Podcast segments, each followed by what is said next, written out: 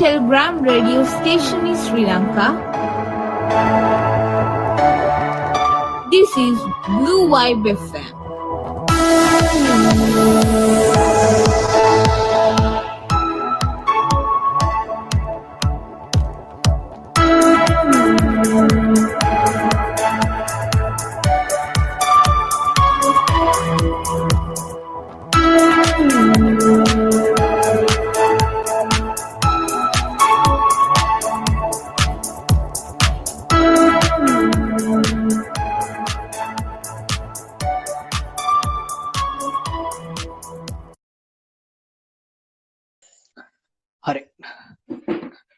අයිබෝන් හැමෝටම මේ සුබ දවසක් වේවා කියලා ප්‍රාර්ථනා කරන මුලින්ම අ, කියන්න ඕන දේවල් දෙකක් මුලින්ම තියෙනවා මේ චුට්ටක් වැසි බර කාලගුණය නිසා මේ අ, ගොඩක් ලෙඩ වෙලා ඉන්නේ ඒ නිසා මේ කැස්සක් එහෙම ආවොත් චුට්ටක් නොසලකා හරින්න එතකොට ඊළඟ එක තමයි දැන් අ, මාතෘකාවට දාපු ගමන් ඔයාලට පේනවා ඇති මේ රවින්ද්‍රනාත් tagore ගැන කතා කරන්න වගේ දෙයක් දාලා තියෙන්නේ කියලා. හැබැයි මේ මාතෘකාව වෙන්න විශේෂ හේතුවක් තියෙනවා.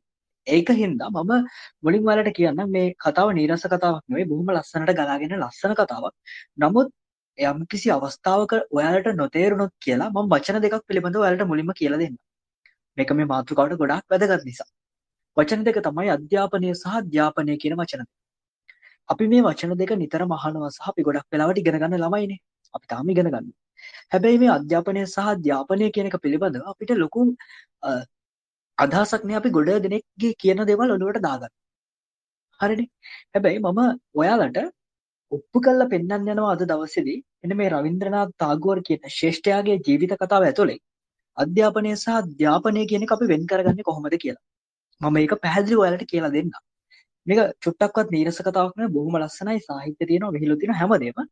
අ, මේක රවින්ද්‍රනාත් tagore ලියපු අ, මතක සටහන් පිළිබඳව අ, ග්‍රන්ථයක් සහ ජීවන මන්දිරාව. ඒ කියන්නේ මේ රවින්ද්‍රනාත් tagore විවිධාකාරයේ ප්‍රකාශ අ, කරපුවා එකතු කරපු පොතක්. මම මේ පොත් දෙක අරගෙන ආවේ ඔයාලත් එක්ක කතා කරන්න රවින්ද්‍රනාත්ගේ ජීවිතය ඇසුරෙන් අධ්‍යාපනය සහ අධ්‍යාපනය පිළිබඳව යම්කිසි වචන කීපයක්. පළවෙනි එක. මම ඔයාලට කියවන්නේ අධ්‍යාපනය කියන්නේ මොකක්ද කියලා මම කියනවා කියන්නේ. අධ්‍යාපනය කියලා කියන්නේ නිතරම අපේ ජීවිතයේ අත්දැකීම් සහ අපි කියවන අපි පංචේන්ද්‍රයෙන් ග්‍රහණය ග්‍රහණය කරගන්න දේවල්. ඒ කියන්නේ මේ දැනුම සහ අත්දැකීම් ඒක රාශී කරගන්න ක්‍රියාවලියක්. අධ්‍යාපනය කියන්නේ වර්ධනීය වෙන ක්‍රියාවලිය. එහෙම නැත්නම් අපිට මේකට කියන්න පුළුවන් මේ සංස්කෘතියෙන් අපිට සම්ප්‍රේෂණය වෙන දේවල් අධ්‍යාපනය කියලා. අධ්‍යාපනයෙන් හදවත හිස සහ හස්තය ඒ කියන්නේ මේ අපේ දැනුම මේ දේවල් හැමදේම සංවර්ධනය කරගන්න ඕනේ කියලා කතාවක් තියෙනවා. හරි. හැබැයි මේ ධ්‍යාපනය කියලා කියන්නේ සිත දියුණු කර ගැනීම. එහෙමත් නැත්නම් ගොඩක් වෙලාවට simplicity, simple වීම, නිවීම කරා ලං වීම. මේක ටිකක් ආධ්‍යාත්මික පැත්තට බරයි. මම මේක ඔයාලට පැහැදිලි කරන්න මේ කතාව කියන්න යනවා. එතකොට මේ රවින්ද්‍රනාත් tagore කියන්නේ කවුද කියන්නේ කවුද කියලා ගත්තොත් මම රවින්ද්‍රනාත් tagoreව අඳුරගන්න හැටි මම ඔයාලට මුලින්ම කියන්නම්. බොහොම හම්බෙන් හම්බ වෙයි. අ, මම ඒ තරම් දක්ෂ නැහැ විද්‍යාවට සහ ගණන් වලට චුටි කාලේ. දැනුත් එහෙම තමයි. අ, කොහොම හරි මම සිංහල සාහිත්‍ය පුරවැසි අධ්‍යාපනය සහ බුද්ධ ධර්මය කියන විෂයන් වලට අපේ ඉස්කෝලේ වැඩිම ලකුණු අරගෙන මට තෑග්ගක් හම්බ වෙනවා මේ 6 වසරේදී මේක තාමත් ගහලා තියෙනවා. අය F පන්ති එන්නකොට මේ පොතේ නම තාගෝස් රිමයිසින් කියලා. ඒ කියන්නේ මේ රවින්ද්‍රනාත් tagore මතක සටහන. මොහොම තමයි මට තාගෝර්ව හම්බ වෙන්නේ. මෙයා ගොඩක් විශේෂ පුද්ගලයෙක් කියලා මේ ඇත්තට මම දැනන් හිටියේ නෑ බුරු කියන්න ඕනේ නෑනේ. ඒකෝර මම 6 වසරේ මම මේ පොත හැබැයි අර ආසාවට තෑග්ගකට හම්බෙච්ච පොතක් නිසා කියවනවා. මට කිසිම දෙයක් ඇත්තම කියනවා නම් තේරුනේ නැහැ. කිසිම දෙයක් නෙවෙයි. ඒකේ තියෙන ගොඩාක් ගැඹුරු දේවල් මට තේරුම් ගන්න තරම් ලොකු උවමනාවක් තිබුණේ නැහැ. මොකද මම අධ්‍යාපනය ලබන ළමයෙක්නේ. ඔන්න ඔතන තමයි ප්‍රශ්නේ තියෙන්නේ කියලා මට තේරුණා. කොහොම හරි ඊට පස්සේ මම ලොකු වෙලා එලෙවල් කරලා හැම ඉන්නකොට මම නිකමට මේ පොත කියෙව්වා. කියවනකොට මම- මට යම් යම් කරුණු තේරුණා. ඇත්තටම රවින්ද්‍රනාත් tagore කොයි වගේ පුද්ගලයෙක්ද කියලා. මම මේ වගේ පුද්ගලයෙක් ගොඩ දෙනෙක්ව දන්නේ නැහැ. මම දන්න කීප දෙනෙක් ඉන්නවා මම ඔයාලට මතක් කරන්න කෙටියෙන්. එක්කෙනෙක් තමයි මේ අපි හැමෝම දන්න ලියනාඩෝ ඩාවින්චි. තව නිකොලා ටෙස්ලා. අම්, ඔය වගේ කියන්නේ බහුවිධ බුද්ධිය තියෙන අය. ඒ කියන්නේ මෙයාට පුළුවනි ලියන්න, කියන්න, චිත්‍රපාට කරන්න, සින්දු ගායනා කරන්න, සංගීතය, ගණිතය සියලුම දේවල් පුළුවන් පුද්ගලයා. ඒ අතරින් කෙනෙක් තමයි රවීන්ද්‍රනාත් tagore. ඇයි මෙයා විශේෂ වෙන්නේ කියලා කිව්වා. 1913 නොබෙල් සාහිත්‍ය සඳහා වෙච්ච තාග්ගය ලබා ගන්නවා. අපි දන්නවා සාමාන්‍ය ගත්තහම සංස්කෘතිය තොටිල්ල. එහෙමත් නැත්නම් ඉන්දියාව ඉන්දියාව කියන රටේ ජාතික ගීය නිර්මාණය කරලා තියෙන මේ උත්තමයා. මම උත්තමයා කියලා කියන්නේ මෙයා අධ්‍යාපනයෙන් එහාට ගිය ධ්‍යාපනය ලබාගත් පුද්ගලයෙක් නිසා. එහෙනම් අපි අපේ කතාවට යමු. හොඳයි. මම චූටි ඡේද කොටසක් කියවනවා. බොහොම උවමනාවෙන් අහගෙන මේක තමයි රවීන්ද්‍රනාත් tagore මතක සටහන් පොතේ පළවෙනිම කොටස. මතකය නැමැති කැන්වස් රෙදිකඩෙහි සිතුවම් කරන සිත්තරා කවරෙක්දැයි මම නොදනිමි. ඔහුගේ වතගොත නොදනිත් ඔහු අඳින්නේ සිතුවම් බව මම දනිමි. සිදුවන දේ ඒ ආකාරයෙන්ම සිය තෙලිතුඩින් එළිදැක්වීම ඔහුගේ කාර්ය වේ. ඔහු සිය මනාපය පරිදි ඇතැම් සිදුවීම් තෝරා ගන්නා අතර ඉතිරිය බැහැර කරයි. හොඳට හිතන්න මේ අපේ මතකය ගැන කියන්නේ. විශාල දෑ කුඩා කුඩාවට දක්වන ඔහු ඇතම් කුඩා දෑ විශාල කර දක්වයි. ඉදිරියේ ඇති දෑ පිටු පිටුපසට ලෑමත් පිටුපස ඇති දෑ ඉදිරියට ගැනීමත් ගැන ඔහුගේ සිතේ කුකුසක් නොමැත. කැටියෙන් කියතොත් ඔහු සිතුවම් අඳිනවා මිස ඉතිහාසය ලියා නොතියයි. මෙසේ ජීවිතයේ මතුපිටින් සිද්ධීන් රැසක් ගලා යන අතර ඇතුළතින් සිතුවම් රැසක් පින්තාරු කෙරේ. මේ දෙක අතර සහසම්බන්ධතාවයක් තිබුණද දෙක දෙකක් මිස එකක් නොවේ. අපේ ඔඩුහිත සහ යටහිත පිළිබඳ මේ ග්‍රන්ථයේ පළවෙනි පරිච්ඡේදයේ පළවෙනි කොටසෙන් කියන. හැබැයි මේක ගොඩාක් සංකීර්ණ සාහිත්‍ය පොතක් වෙන්නේ නැහැ. මෙයා මේක ලියන්නේ මෙයාගේ ජීවිතේ සිද්ධ වෙච්ච එක්තරා සිදුවීම් ප්‍රමාණයක්. හැබැයි මම මේ දේවල් ගැන ඔයත් එක්ක කතා කරන්න සූදානම් නැහැ. මොකද මේක පිටු 250 300ක් 300ක් 250ක් විතර දිවෙන කතාවක්. හැබැයි මම මේ කතාව තෝරගත්ත රවීන්ද්‍රනාත් tagore තෝරගත්තේ මම අර වලට කලින් කිව්වා වගේ අධ්‍යාපනය සහ අධ්‍යාපනය ගැන කතා කරන්න. රවීන්ද්‍රනාත් tagore කියලා කියන්නේ කොයි වගේ චරිතයක්ද? මෙයා අධ්‍යාපනය ලබන්න කොයිතරම් මැලිකමක් දක්වද කියන එක මම ඔයාලට මේ පොතෙන් කියලා දෙන්න. පස්වෙනි පරිච්ඡේදය. සාමාන්‍ය පාසල් ගමන. ඔන්න මම මාතෘකාවකට එනවා. මේක පස්වෙනි පරිච්ඡේදය. නිකම්ම ශිෂ්‍යයෙකු වීමේ තත්වයෙන් මිදීමේ මගක් මම ඔරියන්ටල් සෙමිනේරියේදී සොයා ගතිමි. අපගේ ගෙදර බරාදෙහි ගොඩකම පන්තියක් ඇරඹුවෙමි. දැවමය ගරාදෙහි දැවමය ගරාද වැටෙහි ගරාදි පොළු මගේ සිසුන් වූ අතර මේ වෙලක් අතැතිව ඔවුන් ඉදිරියේ පුටුවක වාඩිගත් මම ගුරුතුමා වීමි. ඔයාලට ඇහෙන්නේ නැත්නම් චුට්ටක් කියන්න. දැවමය ගරාදෙහි වැටෙහි ගරාද පොළු මගේ සිසුන් වූ අතර මේ වෙලක් අතැතිව ඔවුන් ඉදිරියේ පුටුවක වාඩි වීගත් මම ගුරුතුමා වීමි. හොඳ ළමයි කවුරුන්දයි නරක ළමයි කවුරුන්දයි මා සොයාගත් සොයාගෙන තිබිණි. තවත් දග ළමයින්ද සිටියහ. නිශ්ශබ්ද ළමයින් කවුරුන්ද? දක්ෂයින් හා අදක්ෂයින් කවුරුන්දයි මා තෝරා බේරා ගැනීමට හැකියාව ලක් දෙමි. නරක හැසිරීම් ඇති කරාදිය නිරතුරුවම පාහේ මගෙන් පහර කෑහ. ඔවුන්ට පණ තිබුණේ නම් පණ නසා ගැනීමට ඔවුන් ඉතා කැමති වනු ඇත. ඔන්න ඔයාලට තේරෙනවා ඇති. මෙයා මේ කියන්නේ මේ චූටි කාලේ කියන්නේ මේ අපේ චරිතය චූටි කාලේ පාසල් ගිහිල්ලා Taman ලබා ගන්න අත්දැකීම් උගන්වන්න පටන් ගත්තලු පණ නැති ඩෙස්ක් පුටු ටිකකට.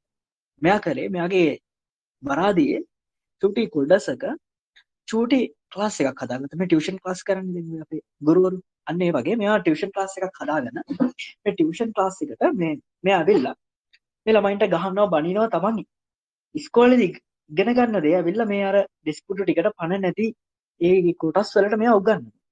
උගන්වලා මෙයා ගුරුවරයෙක් වගේ රඟපාන. කොහොමද ගුරුවරයෙක් හැසිරෙන්නේ කියලා මෙයා මේ චුට්ටක් අර ළමයිත් එක්ක හැසිරිලා බලනවා. අද මගේ දැවමේ සිසින් වෙනුවට මෙහි ඇත්තේ දඟර යකඩින් යුත් ගරාදි වැටකි. වර්තමාන පරපුර මා ලැබූ අන්දමේ අධ්‍යාපනයක් ලබන්නේ නැත. දඟර යකඩ වලින් ඒ හැඟීම ඇති වේ යයි කිව නොහැකිය. ඊළඟට මෙයා මෙන්න මෙහෙම කියනවා. ගුරුවරයා දෙන අධ්‍යාපනයට වඩා ඔවුන්ගේ හැසිරීම් රටාව කොතරම්දයි දැඩි ලෙස සිසුන් උකහා ගන්නේ යනවක මට දැන් වැටහේ. කිසිම උත්සාහයකින් තොරව මගේ ගුරුවරුන්ගේ නොයිසිලිමත්කම් කේන්තියම පක්ෂග්‍රාහිකම හා අසාධාරණය මගේ සිත තුළට කිඳා බැස තිබුණි. එනමුදු ඔවුන්ගේ ඉගැන්වීම් මගේ සිතෙහි රැඳුනේ නැත. මේ කුරුළු ක්‍රියා එකකදු පණ ඇති සතෙකු කෙරෙහි මා පෑමට සමත් නොවීම මාලත් එක් සැනසීමකි. මෙයා මේ කියන්නේ මම ජීවිතේ කවදාවත් ගුරුවරයෙක් නොවුන එක මට ලොකු සැනසීමක් කියලා. මොකද ගුරුවරයෙක් වෙලා හිටියනම් මෙයාට සිද්ධ වෙනවලු මේ අධ්‍යාපන ක්‍රමයේ ඇතුලේ ළමයින්ට ගහන්න බනින්න. ඉතින් මම හිතනවා රවීන්ද්‍රනාත් tagore කියන්නේ මේ චුට්ටක් අමුතු කෙනෙක්. මෙයාගේ තිබ විශේෂත්වය ගැන මම කලින් වලට සඳහන් කරා වගේ මෙයා මෙයාගේ ගොඩාක් කාලය ගත කරන්නේ ගොඩාක් සැප සම්පත් තියෙන පවුලක.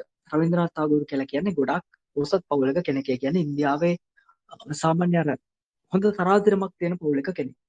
මෙයාගේ සහෝදරයෝ සියලුම අය ගොඩාක් ඉගෙන ගත්තා. මෙයාගේ තාත්තා ඒ වෙනකොට ඉන්දියාවේ හිටපු ලොකු පඬිවරයෙක්. මෙයාගේ සහෝදරයෝ ඒ රටේ ඉන්න විනිශ්චයකාරවරු එතකොට ලොකු දේශපාලන පක්ෂ හසුරුවපු අය සහ විවිධාකාරයේ තරාතිරම් වල හැබැයි මේ ගොඩාක් ලොකු තරාතිරම් වල අය. හරිද? හැබැයි මේ රවීන්ද්‍රනාත් tagore කියන කෙනා ඒ තරම් දුරට අධ්‍යාපනයට දක්ෂ කෙනෙක් වෙන්නේ නැහැ කුඩා කාලේදී. ගොඩක් වෙලාවට මගේ පවුලේ කට්ටිය එකතු වෙලා විවිධාකාරයේ සාකච්ඡා කරනවා අර වැඩිහිටියන් මූලික කරගත්ත පවුල් ක්‍රමයක් තමයි තිබිලා තියෙන්නේ. ඔයාලා දන්නවා ඇති මේ බෙන්ගාලි භාෂාව. අපි අහලා තියෙනවා මොකද අපි ලංකාවේ නිසා අපිට ගොඩක් පුරුපුරුදුයි. එතකොට මේ බෙන්ගාලය කියන ප්‍රදේශය මූලික කරගෙන තමයි මේ අපි කියන රවීන්ද්‍රනාත් tagore ජීවත් වුනේ. මේ කල්චර් එක එහෙම නැත්නම් සංස්කෘතිය ඇතුළේ මෙයා බොහොම අපූර්වට මේ ලස්සනට හැදිලා වැඩුණා. කිසි ප්‍රශ්නයක් නැහැ. තමන්ගේ සේවකයොත් එක්ක ඉස්කෝලේට එනවා එනවා බොහොම සුවපහසු ජීවිතයක්. ඉතින් කොහොම ජීවත් වෙන අතරේ රවීන්ද්‍රනාත් tagore ඒ කියන්නේ මෙයාගේ මේ ජීවිත ගමන ගත කරන අතරේදී මෙයා ගොඩක් උත්සාහ කරනවා අධ්‍යාපනය ලබන්න. විශේෂයෙන් ඉංග්‍රීසි වගේ දේවල්. එතකොට මෙයා ලියනවා තව එකක් මහාචාර්යවරයා කියලා. මහාචාර්යවරයා කියන මෙයාගේ පොතේ 12 වෙනි පරිච්ඡේදය මෙයා මේකේ කියනවා මේ මේ මහාචාර්යවරයා කියන පරිච්ඡේදය මම ගොඩක් ආසයි. මේකේ මේ එක ළමයෙක් ඉන්නවා මෙයා මේ ඉස්කෝලේට යනකොට මෙයාට හම්බ වෙන ළමයෙක් මෙයාට වඩා චුට්ටක් වැඩිමල් මේ පිරිමි දරුවා පොතක් ලියනවා. මේ පොත මැජික් ගැන අර චූටි ළමයි ඔය මැජික් කරන්නේ. එතකොට මැජික් කර මැජික් කරන එක ගැන මෙයා පොතක් ලියලා මේ පොතේ ගහනවා මෙයාගේ නම ගහලා මහාචාර්ය මෙන්න මෙහෙමයි කියලා මේ දරුවා පොතක් පබ්ලිෂ් කරනවා.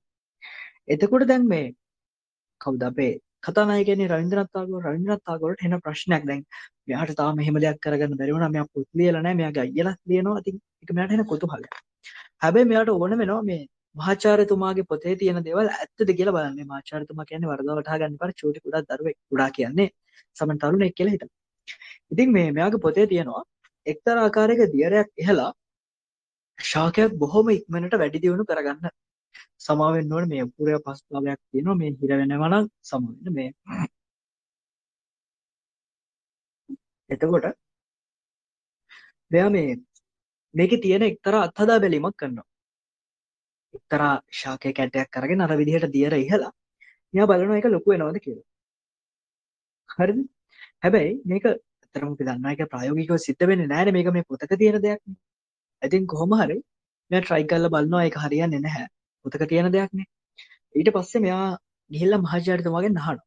අහුවා මෙයා hina වෙනවා. hina වෙලා කෙනෙකු එච්චර ගණන් ගන්න එපයි කියලා. හරිද? අපිටත් හිතෙන මේ මහාචාර්යතුමා කියන මෝඩෙක් කියලා. හැබැයි හරි අපූර්ව සිදුවීමක් සිද්ධ වෙනවා. දවසක් මේ මහාචාර්යතුමාට හම්බ වෙනවා මේ අපේ රවීන්ද්‍රනාත් tagore සේවකයෙක්. එයා මේ මහාචාර්යතුමා ඒ කියන්නේ මේ කුඩා ශිෂ්‍යයට කියනවා ඔබ දන්නවද රවීන්ද්‍රනාත් tagore කියලා කියන්නේ මේ මේ මෙයා ගෑනු ළමයෙක් මෙයා මේ මේ ඉස්කෝලේට එවන්න ඕන නිසා තමයි ආරක්ෂාවට පිරිමි ළමයෙක් වගේ ඇඳලා එවන්නේ කියලා. හරිද? ඊට පස්සේ මෙන්න මේ අර එයාගේ යාළුවා හරි අපූර්ව වැඩක් කරනවා. මෙයා කියනවා මේ මම ඔයාලට හොඳ මැජික් එකක් පෙන්නන්නම්. ඔයාලා ඔක්කොම අර උඩ තියෙන ඩෙස් එකට නගින්න නැගලා පයින්. ඉතින් කට්ටියම අර අරයාගේ බොරුවට රැවටෙනවා. මෙයාලා ඔක්කොම එකතු වෙලා ගිහිල්ලා අර ඩෙස් එක උඩට පැනලා නැගලා පනිනවා. පනිනකොට හරි අපූර්ව දෙයක් සිද්ධ වෙනවා මේ රවීන්ද්‍රනාත් tagore. එයා බිම පතිත වෙන වෙලාවේ එයාගේ වම් කකුල තමයි මුලින් තියෙන්නේ. එයාගේ වම් කකුල තමයි මුලින් තියෙන්නේ. ඊට පස්සේ කොහොම හරි මේ මෙයා කියනවා මෙන්න මෙහෙම දෙයක්. පැවීම් විද්‍යාව ගැන කුහලකින් යුතු අයට මා පැහැදිලි කළ යුත්තේ උඩකින් පැනීමේදී ගැහැණු ළමයෙකු වම් පාදයේ පෙරට තබා පදින බවයි. මහාචාර්යවරයාගේ පරීක්ෂණයේදීද මා පැන ඇත්තේ වම් පාදයේ පෙරට තබාය. මා තබා ඇත්තේ කොතරම් වැරදි පියවරක්ද යන්නවද එකල මට නොහැටහි. තේරුණාද දන්නේ නැහැ. රවීන්ද්‍රනාත් tagore කියන්නේ පිරිමි කෙනෙක්නේ. හැබැයි මෙයාට වැරදිලා මෙයා පැනලා තියන්නේ ඇත්තටම වම් පාදේ. එතකොට අර මෙයාගේ සහෝදර ශිෂ්‍යයා විශ්වාස කරන්නේ මෙයාත් කාන්තාවක්. ඔයාලගේ ජීවිතේට චූටි දැනුමක් ගන්න මම මේ කියන්න උත්සාහ කරේ මේකයි. අපේ ජීවිතේ සමහර අවස්ථාවන් තියෙනවා ගොඩක් වෙලාවට අපේ දැනුම කියන දේ අපි දැනන් හිටියට ප්‍රායෝගිකව පාවිච්චි කරන්නේ නැහැ. නමුත් මේ මෙයාගේ යාළුවා මෙයා මේ අර මහාචාර්යවරයා කියලා කියන අඳුනන ශිෂ්‍යයා එයා තමාදත් චූටි දැනුම කියන්නේ මේ උඩ ඉඳලා පනිනකොට ගැහණු ළමයෙක් ඉස්සෙල්ලම තියෙන වම් පාදේ කියන චූටි දැනුම මෙයා මෙයාගේ ජීවිතේදී පාවිච්චි කරා.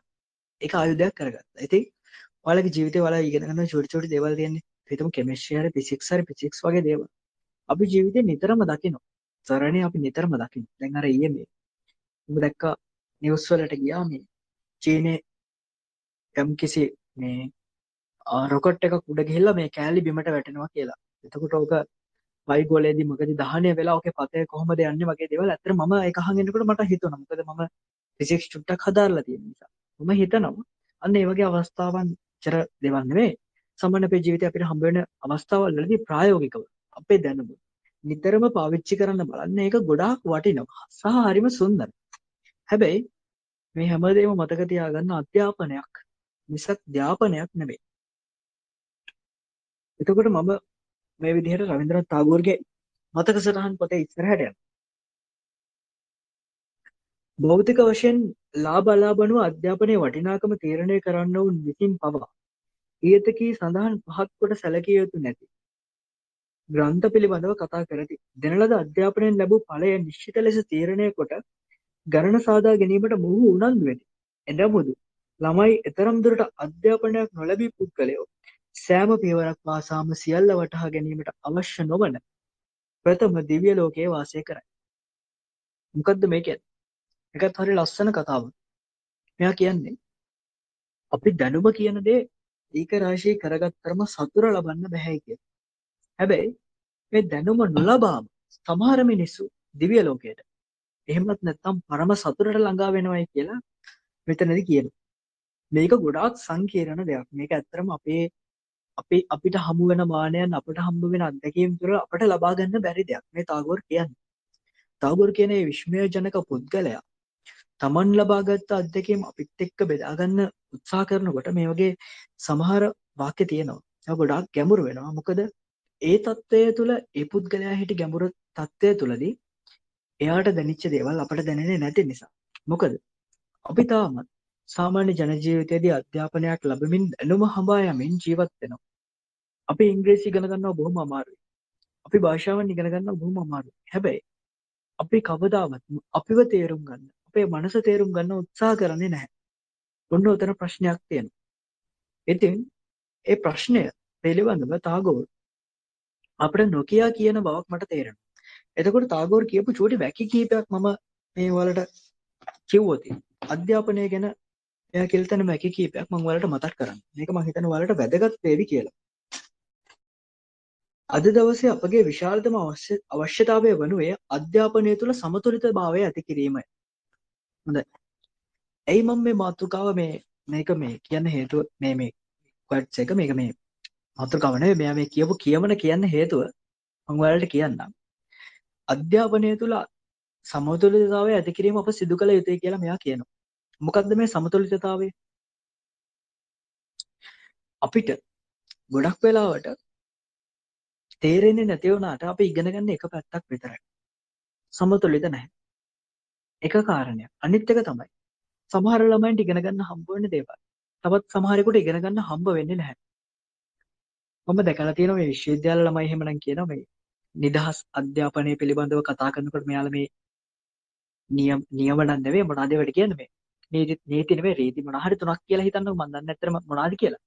කියන්නේ මොකද්ද දන්නේ නැහැ. මේ නිදහස් අධ්‍යාපනය ලබන්න ඕනේ කියලා කියනවා. එතකොට නිදහස් අධ්‍යාපනයක් අධ්‍යාපනය නිදහසත් ලැබෙන්න ඕනේ කියලා කියනවා. ඔන්න ඔය වගේ කතා ගොඩාක් තියෙනවා. හරිද? මම ඒ ගැන කතා කරන්න යන්නේ නැහැ. මම නිකමට කිව්වේ අපේ සමාජයේ අධ්‍යාපනය ගැන පළපදියම් වෙලා තියෙන දේවල්. හැබැයි මේ තාගෝර් කියන සමතුලිතතාවය මේ අපි හිතන් ඉන්නේ මේ සමාජයේ තියෙන සමතුලිතතාවය නෙවෙයි. ඒ කියන්නේ අධ්‍යාපනයේදී අප ලබන්නට බලාපොරොත්තු වෙන දේවල් වල සමතුලිතතාවයක් තියෙන්න ඕනේ කියලා. එතකොට මේ අපි ඒ කාරණේ පැත්තකින් තිබ්බා. තව ලස්සන දෙයක් කියන මෙයා කියලා තියෙන ශිෂ්‍යයන් අධ්‍යාපනය පිළිකුල් කරනුයේ මූලික වනුයේ විෂය අසිරුතාවය හේතු කොටගෙන නොවේ. එසේ වනුයේ උගැන්වීම් ක්‍රමවේදයේ ඇති නීරස ස්වභාවය හේතු කොටගෙන හොඳයි. මේකත් මම හිතනවා මේ කතා කරන්න ඕනේ මාතෘකාවක් කියලා. අපේ අධ්‍යාපනයේ ලබන දේවල් නීරසද? නීරසද? මට හිතෙනවා මම ඉගෙන ගන්න දේවල් නම් ගොඩාක් නීරසයි කියලා. මොකද මේ මම කවදාවත් කැමති වුණේ නැහැ ගණිතය ඉගෙන ගන්න. හැබැයි මම මේ වෙනකොට ගණිතය සෑහෙන දුරට ඉගෙන ගන්න. ඇත්තටම මේ කිසිම කැමැත්තක් නැහැ. කියන විශේෂ කැමැත්තක් නැහැ. නමුත් මාය ඉගෙනගත යුතු නිසා ඉගෙන ගන්නවා සහ එයට කැමැත්තක් ඇති කරගන්න. මම කිව්වනේ මගේ චූටි කාලේ මම අර විෂයන් තුනට ගොඩක් දක්ෂයෙක්. නමුත් අන්තිමේදී මට නතර වෙන්න වුණේ ෆිසික්ස් වලින් මැත්ස් වලින්.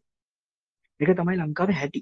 හැබැයි ඔබ ඒකට බැන බැන හිටියොත් කිසි තේරුමක් නැති වෙනවා. ඔබ ඔබේ ගමන කපා ගන්න ඕනේ.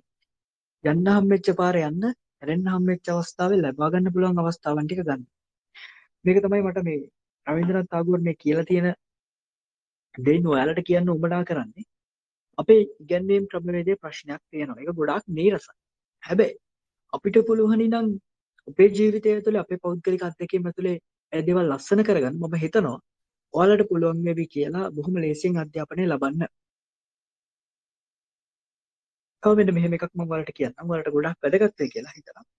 උදාසීන උගන්වීම තරම් දරුවෙකුට අන්තරාය කර අන් කිසිවක් නොමැත. ඒ ඉතා සුළු ප්‍රමාණයක් ලබා දී මනසින් විශාල ප්‍රමාණයක් ඉවතට රැගෙන යයි.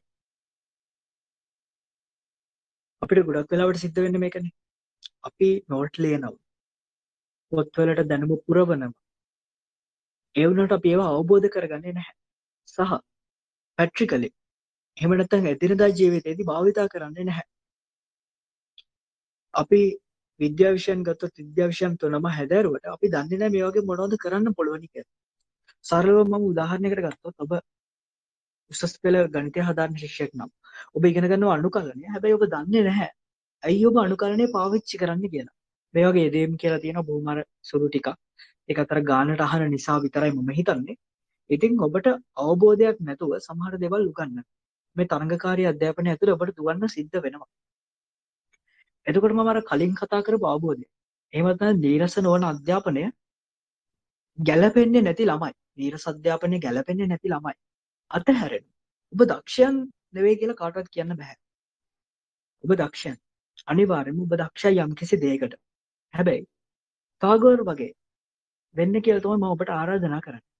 තාගෝර් මේ අධ්‍යාපන ක්‍රමය ඇතුළේ හෙම්බත් වෙනවා. ඌ මේ දේවල් අප වෙනුවෙන් කියලා ඉතුරු කරලා තියෙන්නේ අපිට මේ දේවල් තේරුම් කරන්න. මොකද එහෙම මම කියන්නේ තාගෝර ඉංග්‍රීෂ් ඉංග්‍රීසි වලට දක්ෂ වෙන්නේ නැහැ. ඔහු එංගලන්තයට යන අවුරුදු 17 දී ඒත් ඔහුට එහි යනකොටත් ඒ තරම් දුරට ප්‍රගුණම ඉංග්‍රීසි කතා කරන්න බෑ. ටාගෝර්ගේ පවුලේ අනිත් අය ඉන්දියාවේ ලොකු සමාජ පැලැන්තිවල ගොඩාක් වැදගත් මිනිස්සු. මෙයාලා මේ ගොඩාක් වැදගත් දේවල් කරපු මිනිස්සුරුව අර මම කලින් සඳහන් කරේ. හැබැයි ටාගෝර් ඒ අය තරම් දුරට අධ්‍යාපනයේ ගිනි පැත්තට ගියේ නැහැ. සාහිත්‍යයේ ගිනි පැත්තට මේ පවතින ක්‍රමය ඇතුළේ ඔහුට යන්න බැරි වුණා. සරලවම කිව්වොත් ඔහුගේ පවුලේ අය තරම් විශාල අධ්‍යාපනයක් ලබන්න විධිමත් අධ්‍යාපනයක් ලබන්න තාගොරට බැරි වුණා. තාගොර පාසල් යන්න බැහැයි කියන එයා ගෙදර නතර කරලා ගුරුවරු ගෙනල්ලා උගන්වන්න හදනකොට තාගොර කරන්නේ මේ ගුරුවරුන්ගෙනුත් පොඩි ආතල්ලයක් ගන්න. ගුරුවරුන්ට එන ආතල් දෙනවා මේ පොතේ තියෙනවා ගොඩක් කතන්දර ඉතින්. මේ ගුරුවරුන්ටම උගන්වන්නේ එපා. හැබැයි තාගොර මේවා අස්සෙන් මොනවා හරි දෙයක් වාගා. තාගොර තමන්ගේ ජීවිතය අධ්‍යයනය කරන්න පටන් ගත්තා. අධ්‍යාපනය එපා වෙච්ච තාගොර මේවා පොඩ්ඩක් පැට්‍රිකලි බලන්න හදන. තමන්ගේ මනස පිළිබඳව ඉගෙන ගන්න. තමන්ට පුළුවන් මොනවද කියලා හොයා ගන්න හදනවා. ක්‍රමයට අසු නොවේ. හැබැයි මම ඔබට කියන්නේ මේ වේගෙන් දුවන සමාජය තුළ අපිට තාගෝර් වගේ ජීවත් වෙන්න අමාරුයි. මොකද තාගෝර් කියලා කියන්නේ ගොඩාක් පොසත් පවුලක ළමයෙක්. මම මුලින්ම සඳහන් කරන්නේ. මේකේ මේ පොතේම තියෙන මම ඔයාලට තාගෝර් කොච්චර පොසත්ද කියලා කියන්න. මේ තාගෝර් දවසක් රේක්ෂෝ එක යනවා මේ.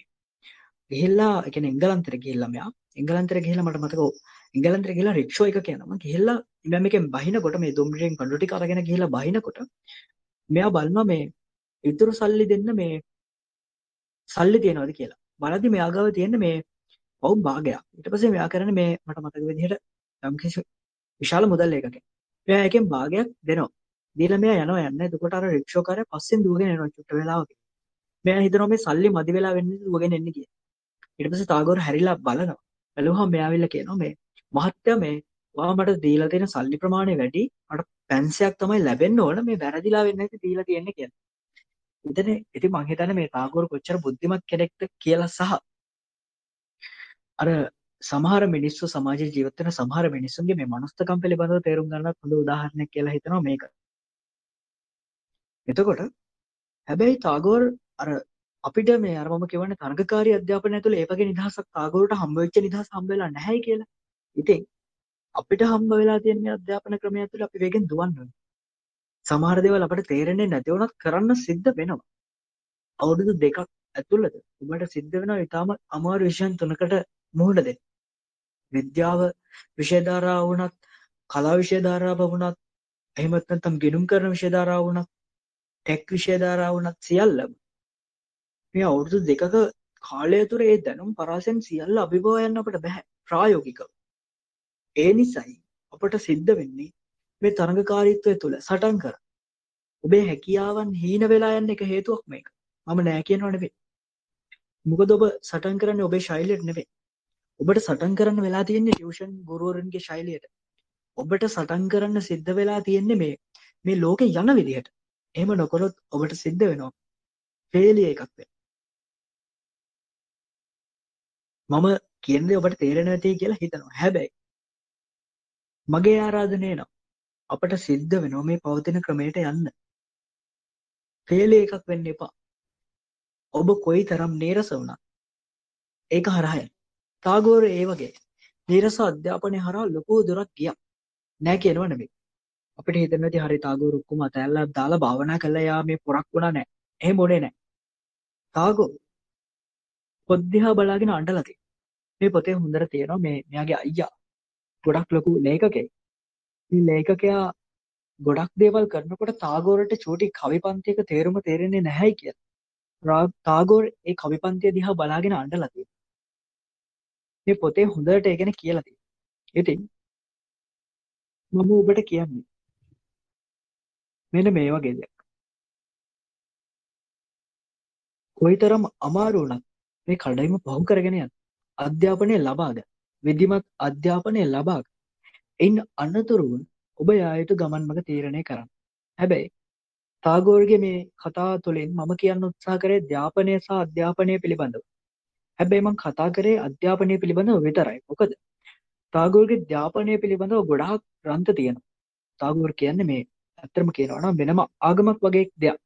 දර්ශනයක් බිහි කරපු කෙනෙක්. මෙයා අපට ධ්‍යාපනය ලබා දුන්න කෙනෙක්. ඒ කියන්නේ මේ සිතේ නොසන්සුන් ගතිය නැති කිරීම, නිවීම, සිත දියුණු කිරීම, ධ්‍යාන ලබා ගැනීම අන්න ඒ වගේ දේවල්. මේ ධ්‍යාපනයට අයිති වෙනවා. එහෙම නැතු දැනුම එකතු කිරීමේ ක්‍රියාවලිය කිසිම දවසක ධ්‍යාපනය බවට පත් වෙන්නේ නැති බව ඔබ හොඳින් මතක තබා ගන්න.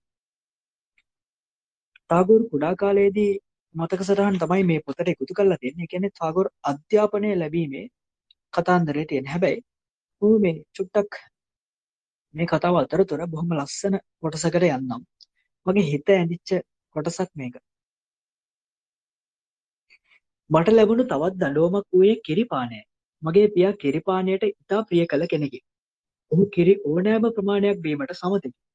ඔහුගෙන් මට එය උරුම නොවී නොවූයේද නැතහොත් කුඩා කල සිට මා ජීවත් වූ අහිතකර පරිසරය නිසා මා එයට අකමැති වූයේදයි මම නොදනිමි. කෙසේ හෝ කිරිපානයට මා තුළ වූයේ දැඩි අකමැත්තකි. අවාසනාවකට මා මෙන් පියා හා කිරිපානය කිරීමට එකට හිඳ ගැනීමට සිසුවිය. එම නිසා මෙහෙකරුවන්ගේ පිහිට පැතීමට මට සිදුවිය.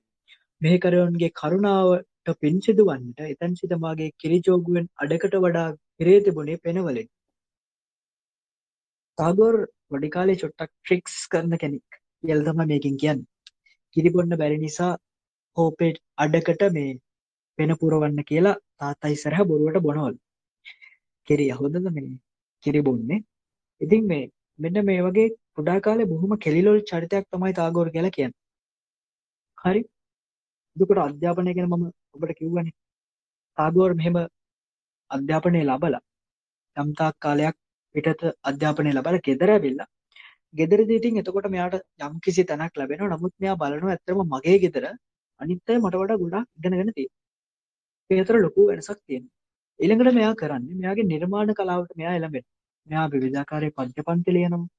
එතකොට අපේ හිත කියන්නේ අපට හිතරෙන සිතුවිලි අනුසාරයෙන් මෙයා විවිධාකාරයේ ලස්සන ලස්සන කවි ලියනවා, පොත් ලියනවා. මේ වගේ දේවල් ගොඩාක් අපි අතරටත් එනවා. මෙයා කරපු හොඳම නිර්මාණ වලින් එකක් තමයි. අහලා තියෙනවද දන්නේ නැහැ ජනමන දැන් අද ගියාම Google එකේ ගහන්න. ඉන්දියාවේ ජාතික ගීය බොහොම ලස්සනයි. මේක රචනා කරලා තියෙන රවීන්ද්‍රනාත් tagore විසින්. හොඳද?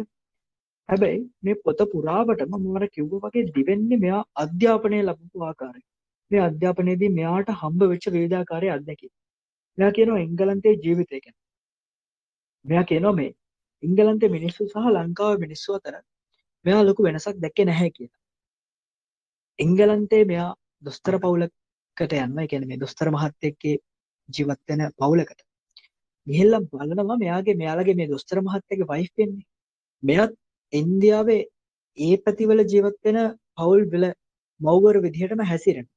ඒ සංස්කෘතිය වෙනස් ඇති. හැබැයි තමාගේ ස්වාමි පුරුෂයාත් එක්ක තමන්ගේ දූ දරුවනුත් එක්ක බොහොම අපූර්වට ජීවත් මෙයා සංස්කෘතිය කියන දේ බල මිනිසුන්ගේ හැසිරීම රටා බොහොම අපූර්වට ග්‍රහණය කරගන්නවා. මෙයා මේවත් එක්ක ජීවත් වෙන්න උත්සාහ කරනවා මේ අතරවාරයේ. ඊට පස්සේ මෙයා දේශානුරාගය ගැන දෙයක් කියලා තියෙනවා. ඒකෙදි මෙයා මේ කියන්නේ මේ එක 22 වෙනි පරිච්ඡේදයේ දේශානුරාගය කියලා තියෙන්නේ. මේකේ කියනවා මේ මෙයාලා ඉන්දියාවේ දේශයේදී දේශයේ ජීවත් වෙනකොට කොයි විදිහටද මෙයාලා මේ අර දේශපාලනය වගේ දේවල් හදාරන්නේ මෙයාගේ සහෝදරයා ගොඩක් වෙලාවට දේශපාලනයත් එක්ක ජීවත් වෙන කෙනෙක්. මෙයා මේ දේවල් වලින් ගොඩාක් දේවල් උකහා ගන්න. කුඩා කාලයේදීම තමන්ගේ පෞල් පරිසරයත් එක්ක මේ දේශපාලනය කොහොමද යන්නේ? මෙයා මේවා සමහර දේවල් උපහාසයට ලක් කරනවා. සමහර දේවල් ගොඩාක් වැදගත් දේවල් විදිහට අපට පෙන්වන්න උත්සාහ කරනවා. මේකෙදි මෙයාට හම්බ වෙන චරිත ගොඩාක් ඉන්නවා. මෙයාගේ යාළුවෝ ගොඩ දෙනෙක් ඉන්නවා. මෙයාලා මෙයාගේ සාහිත්‍යකරණයට උදව් කරපු හැටි දාලා තියෙනවා. මේ වගේ දේවල් ගොඩාක්. ඉස්සරහට මේ කතාව ඇතුලේ එකතු වෙලා තියෙනවා. හැබැයි මට ඒ දේවල් ඔක්කොම එක දිගට කියාගෙන යන්න අමාරුයි මේ විශේෂම දේ තමයි මගේ උගුර දෙනවා. එහෙම නැත්නම් මම මේ දේවල් ගැන කියනවා. කොහොම වුණත් අවසාන පරිච්ඡේද වලට එනකොට ඒ කියන්නේ 44 45 වගේ පරිච්ඡේද වලට එනකොට මෙන්න මෙහෙම එක පරිච්ඡේදයක් මම ඔබට කියන්නම්. කර්කශ හා කොමල කර්කශ හා කොමලරු එක්තරා රාත්‍රී ගීතයකි. මිනිසෙකුගේ නිවහනක් ඉදිරිපිට කෙරෙන ආයාචනයක් වූ මෙයින් නිවහනට ඇතුල්වීමට අවසරපත් එම ගූඩ නිවහනේ තැනක් තමාට දෙන ලෙසද ආයාචනයක් කරයි.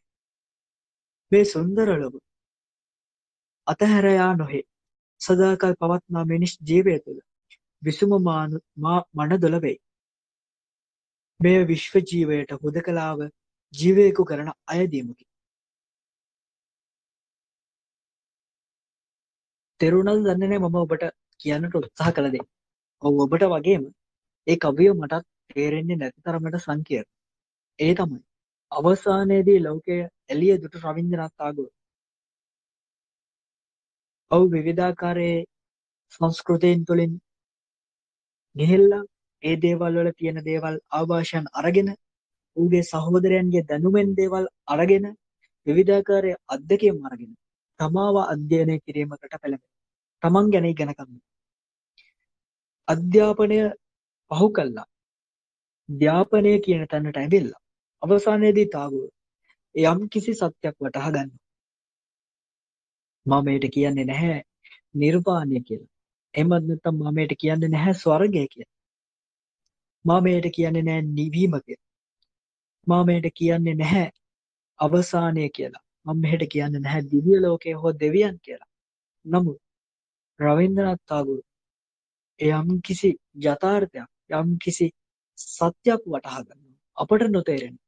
නමුත් මතක තබා ගන්න. ඔහු අධ්‍යාපනය පසු කර තමයි මෙතනට පැමිණියේ. ඉතින් එසේනම් මාත් ඔබට ආරාධනා කරන්නේ හොඳට ඉගෙන ගන්න.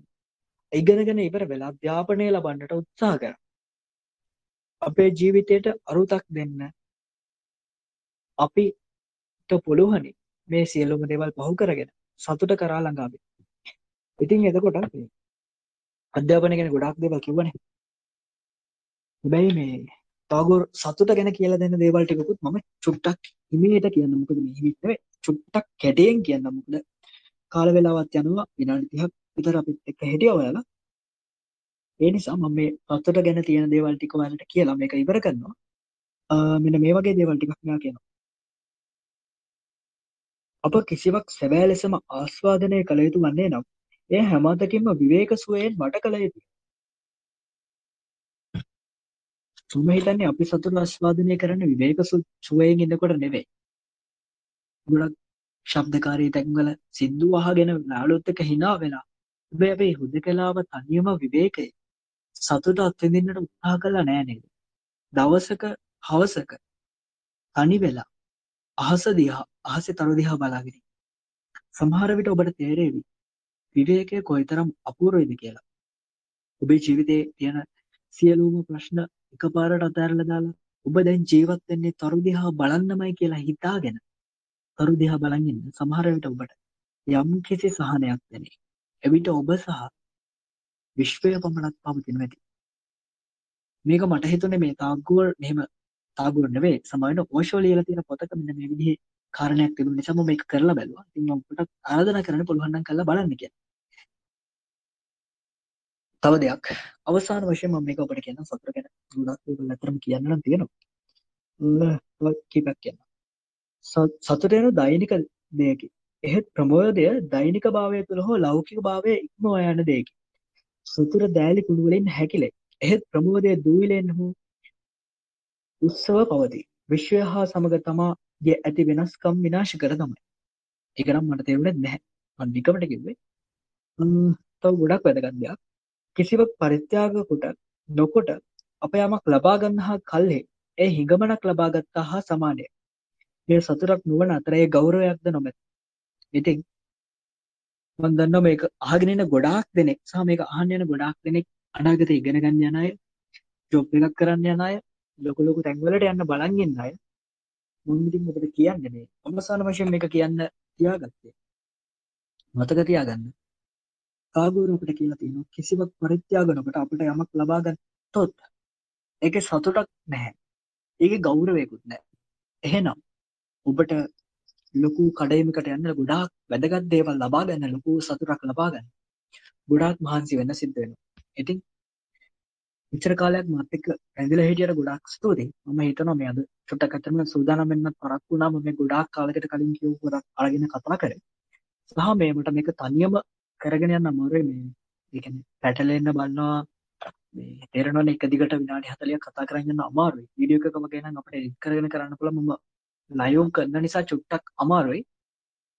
අනික හිතලා කියන දේකුත් නෙමෙයි පුත්වල තියෙන දේවල් කියවන්න ඕනේ. ඉතින් පුළුවන් නම් මට කවුරු හරි මේ මේ දේවල් සම්බන්ධව කියන්නේ සාහිත්‍ය නෙවෙයි ඕන දෙයක් සම්මලේ නෝමල් ජෙනරලි දේවල් තේරෙන කතා කරන්න පුළුවන් කෙනෙක් ඉන්නවා නම් මට හොයලා දෙන්න. මත් වන්න බලන්න. ඉස්සරහට අපිත් එක්ක රැඳිලා ඉන්න කියලා ඔයාලට කියනවා. එතකොට ඊළඟ සතිය මට කෙනෙක් හම්බ වුණොත් මම අනිවාර්යයෙන්ම ඔයාලත් එක්ක කතා කරන්නේ ඩිජිටල් ඇඩික්ෂන් ගැන දුරකථන අන්තර්ජාලය පරිගණක වගේ දේවල් අපිට බලපාලා තියෙන විදිහ. අත්‍තරම මේක ගොඩාක් අපිට බලපාලා තියෙනවා. මම මේක ඔයාලට පැහැදිලි කරන්නම්. මේකෙන් ඉවත් වෙන විදිහ පිළිබඳවත් මම තවදුරටත් හොයනවා. මම ඔයාලට ඒ ගැන කියන්නම්. මට පුළුවන් නම් කෙනෙක්ව සම්බන්ධ කරලා දෙන්න. මොකද ඒ වගේ ප්‍රෝග්‍රෑම් එකක් තනියම කරන්න අමාරුයි. පැයක් විතර යන්න පුළුවනි. ඒ නිසා මම මගේ වැඩසටහන අවසන් කරනවා මේ සියලු දෙනාටම සුබ රාත්‍රියක් වේවා.